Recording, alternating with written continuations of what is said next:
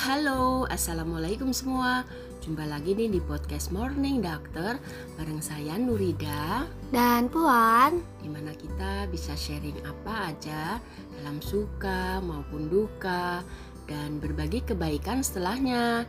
Apa pun nih keadaanmu saat ini, semoga selalu dalam berkah dan lindungan Allah Subhanahu wa taala ya.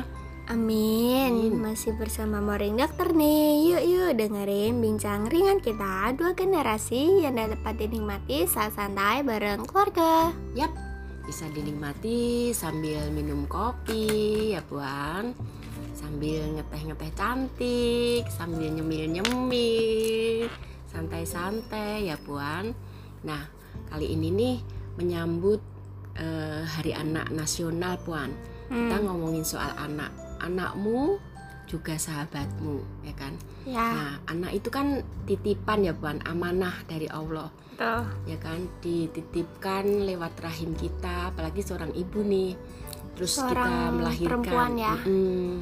terus kita dilahirkan melahirkan terus eh, mendidik gitu kan Mm-mm. ya berikan yang terbaik ya kan itu hanya karena Allah ya nggak sih Betul. ya karena setiap manusia itu ya awalnya pasti seorang anak juga ya kan? Kayak emak ini ya dulu pasti mama ya dulunya ya pasti seorang anak ya kan? Mm-mm. seorang bayi seorang anak. Nah kita juga setidaknya memberikan apa eh, mendidik itu seperti ya ibaratnya apa yang bisa dilakukan oleh orang tua ya itu bisa jadi ya ki- bisa kita terapkan ya nggak sih Betul. Mm-mm. Tapi nih kemarin eh, waktu ada apa tuh? Menurut Ali bin Abi Thalib, ya kan nasihatnya dalam mendidik anak, didiklah anakmu sesuai dengan zamannya, ya enggak? Karena mereka tuh hidup bukan di zamanmu. Nah itu menurut kamu gimana, Puan? Ya benar karena kan eh, mungkin ada perbedaan cara mendidik orang tua yang zaman dulu sama zaman sekarang. Mm-mm. Karena kan yang aku dengar kan zaman dulu pasti keras kan, Mm-mm. kayak ada yang di Mm-mm. sambil Iya. kayak gitu-gitu Kesan- kan. berkesan otoriter gitu Iya. ya. orang Iya. tua harus benar ya kan Mm-mm. kalau enggak wah dia sebagai anak durhaka gitu Iya. Terus tanpa ini ya Mm-mm. tanpa melihat itu. Tanpa melihat. Ya pokoknya karena suatu kesalahan pokoknya gitu deh. Mm-mm. dihukumnya keras gitu. Mm-mm. dan kalau zaman sekarang kan pasti cuman kayak dibilangin kayak gitu-gitu kan. Mm-mm. sebenarnya bukan karena zaman sekarang jadi kayak agak gimana gitu kan.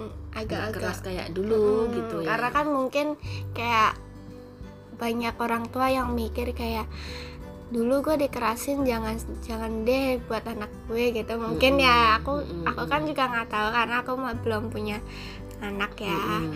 terus mungkin sisi kalau dari anak ya. Jadi kalau menurutku paling kayak eh, kebanyakan orang tua kayak jangan deh maksudnya kayak jangan deh untuk eh, boleh dikerasin tapi kayaknya agak lembut dikit gitu Mm-mm, karena, kan mungkin nanti kalau dikerasin karena apa kan Mm-mm, setiap ber- anak kan eh, berbeda-beda berbeda-beda. karakternya kan dan itu jadi orang tua tuh jadi harus bercermin dari kita dulu ya. Heeh. enak nggak sih pada saat itu kita diperlakukan seperti itu kadang-kadang kan gitu juga jangan sampai nanti anak kita juga merasakan misalnya kayak sakit dalam tanda petik atau ini Mm-mm. itu seperti kita ya kan tadi berarti kan eh, apa seperti yang dikatakan ini nih apa cara mendidik dari Ali bin Abi Thalib itu Mm-mm. dalam mendidik anak tuh kan sesuai zaman mereka ya ya kan karena dia tidak hidup di zamanmu dan beliau juga mengatakan cara mendidik anak itu tuh eh, ada tiga tahapan sebenarnya sih. Mm. dari mulai 0 sampai eh, 7 tahun itu perlakukan anak tuh seperti raja gitu. Artinya dia tuh eh, apa ya kayak biar dia kan? Mm, mm-mm, supaya dia juga berani mengekspor Mm-mm, ya. Terus di terus dia diberikan yang terbaik misalnya disuapin pokoknya ya raja itu kayak gimana sih Mm-mm. apa yang dia mau dia kasih apa yang dia ini dia berikan ya kan terus kayak pendidikan terus apa nilai gizi terus makanan asupan gizi dan pelajaran yang terbaik karena kan e, memperlakukan seorang raja itu kan yang apa yang qualified lah ya. Mm-mm. karena pada saat itu tuh ternyata kan masa-masa keemasan seusia Ya. keemasan Mm-mm, jadi anak tuh apa diberi kasih sayang Mm-mm, yang terbaik gitu Mm-mm. supaya memorinya itu sangat melekat kalau anak-anak seperti itu Mm-mm. pelajaran yang pertama kan dari keluarga dari ibu terutama terutama ibunya gitu terus apa namanya eh, jadi orang tua juga harus memberikan contoh kepada anak itu ya yang baik karena role modelnya anak itu sebenarnya pada saat itu ya orang yang di deket-deket dia orang ya orang tuanya sendiri gitu. Yang kedua nih eh, usia 7 tahun sampai 14 tahun setelah itu eh, didiklah anak atau eh, perlakukan anak tuh seperti tawanan. Serem nggak? Iya seperti tawanan kalau Ah, menurut. Ali bin Abi Thalib. Tawanan itu ya dia itu diawasi dia itu dibimbing diawasi terus di ada reward Karena and punishment umur Mm-mm. 7 tahun itu udah mulai sekolah dasar nah ya? ya se- mulai apa bersosialisasi Iya. dia ngerti lah bersosialisasi un- untuk itu kan? Mm-mm, dengan mulai, lingkungannya. terus apa namanya eh, artinya dia juga ngerti kalau dia melakukan kesalahan harus mendapatkan ganjaran misalnya harus tahu kesalahannya Mm-mm. gitu. Terus gimana cara memperbaikinya gimana ininya gitu. Supaya dia jadi menjadi lebih baik lagi gitu. Tapi untuk kata tawanan itu bukannya terlalu serang. Itu itu dalam tanda kutip ya. Maksudnya kan ini kayak yang di buku Ali bin Abi Thalib mengatakan itu kan ibaratnya seperti itu gitu. Hmm, jadi anak itu diajari harus mau dilepaskan pada saat usia usia itu usia mau remaja itu.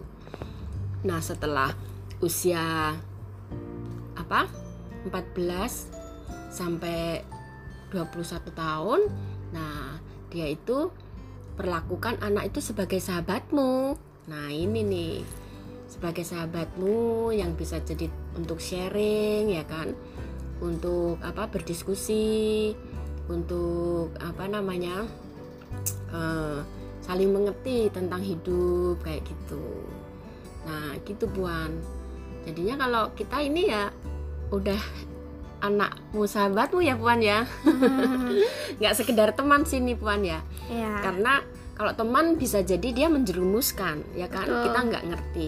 Tapi kalau sahabat dia selalu ada terus dia selalu mengerti dan memahami pada Besti. saat mm-mm, pada saat suka maupun duka ya kan? Kalau menurutmu gimana nih puan? Apa sih ada eh, harapan untuk hari anak gitu? Apresiasi sebagai anak gitu anak masa kini lah gitu. Hmm, Kalau untuk harapan sebagai anak, eh yang soalnya kan banyak kan anak kayak mungkin ya ada Mm-mm. yang kurang apresiasi kayak gitu kan untuk misalnya ada beberapa orang tua yang ingin anaknya benar-benar punya nilai yang sempurna Mm-mm. misalnya untuk sekolah gitu kan Mm-mm. nilai ujian, nilai apa pun itu kayak pengen kamu harus 100 misalnya.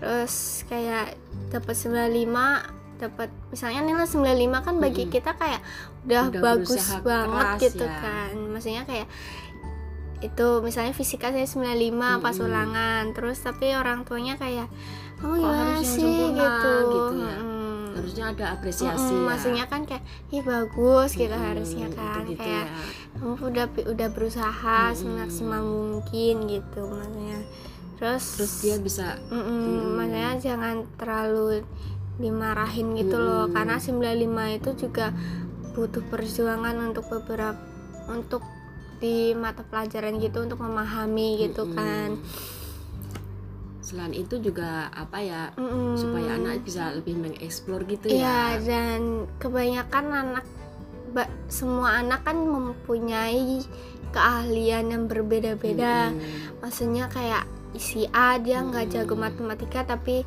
di olahraganya bagus Mm-mm. gitu kan. Di dia ada juga si B yang akademiknya kurang tapi di non akademiknya Mm-mm. misalnya kayak kalau dia public Mm-mm. speaking atau dia dilukis itu Mm-mm. juga bagus, bagus gitu kan jadi kayak eh, nggak semua orang nggak semua anak kayak ngikutin Jejak kemauan orang, tuanya. tua nah iya Mm. sih itu ya lebih lebih ke Iya, boleh kayak juga ya kamu nggak boleh kedokteran kamu mm, harus belajar karena orang bisnis tuanya gitu. karena orang tuanya dokter keluarga dokter nah dia dibawa harus ke dokter gitu. Iya, ya ada kan. juga yang kayak gitu. yang kayak- Ada padahal juga- sebenarnya dia enggak Mm, orang tuanya jadi bisnis harus bisnis ya. Iya tapi kalau semisal kayak anaknya udah ada ketertarikan untuk untuk itu itu tapi kayak masih lost Mm-mm. maksudnya masih belum kayak netepin gitu masih boleh maksudnya Mm-mm. kayak dikasih tahu sedikit-sedikit Mm-mm. kayak diarahkan Eh, lah ah, ya, diarahkan. Kamu kayaknya- mm, kayaknya bisa deh untuk di sini Mm-mm. cum kayak gitu sih dikasih bimbingan ya mm, iya sih nah ini kan juga ini sih puan kayak seperti yang dikatakan Khalil Gibran ngerti nggak sih? Hmm? kayak itu dia ngomong bahwa eh, anakmu itu sebenarnya bukan anakmu kan. Ibaratnya dia eh, sebuah apa, titipan sebuah dari titipan Allah. dari Allah. Dia itu kita itu busurnya orang tua itu busurnya tapi anakmu itu anak panahnya ya kan? Jadi Mm. kita yang membentuk anak itu dia mau ke mana? Kita yang mengarahkan. Tapi dia bukan bukan milik kamu karena kan pikirannya dia adalah pikirannya dia. Jangan di- disamakan pikirannya dia dengan pikiran kamu kan gitu. Mm-mm. ya sih. Jadi anak-anak lebih bisa berekspresi lebih bisa bereksplorasi ya kan? Lebih bisa apa mengemukakan dirinya pendapatnya. Terus Mm-mm. mem- mengemukakan dirinya gitu. Maksudnya memunculkan dirinya sebagai apa gitu. Sebagai dirinya sendiri gitu ya kan? Ya nggak nggak nggak harus sama seperti orang tuanya ya. Terus apalagi tuh puan yang eh, apa menjadi keinginan seorang anak gitu. Rata-rata anak-anak anak-anak zaman sekarang nih ya kan. Dengan segala kan nggak kayak dulu ya. Kalau kayak dulu kan eh, apa ya orang tua lebih protektifnya tuh eh, gimana ya beda-beda sih ya. Kadang-kadang ya Mm-mm. seperti tadi yang dibilang kayak otoriter itu. Nah sekarang kan zamannya udah berubah. Zamannya aja udah ada zaman literasi digital. Udah semua serba serba ini cara cara apa namanya? Cara dekat dengan anak pun nggak kayak dulu ya kan? Cara dekat anak pun nggak kayak dulu. Kalau dulu mungkin eh, apa ya kayak eh, orang tua itu ya jauh banget sama kita. Jadi kita harus harus memang bener-bener apa benar-benar mengerti bahwa orang tua itu selalu benar dan selalu apa nggak ya itulah apa ya namanya eh, kalau salah pun orang tua itu tetap benar gitu. Ya kalau dulu ya maksudnya kadang-kadang Mm-mm. ada yang seperti itu. Kalau sekarang kan kayaknya kayak gitu udah nggak bisa diterapkan lagi ya. Kita lebih ke partner kayaknya ya. Mm-mm.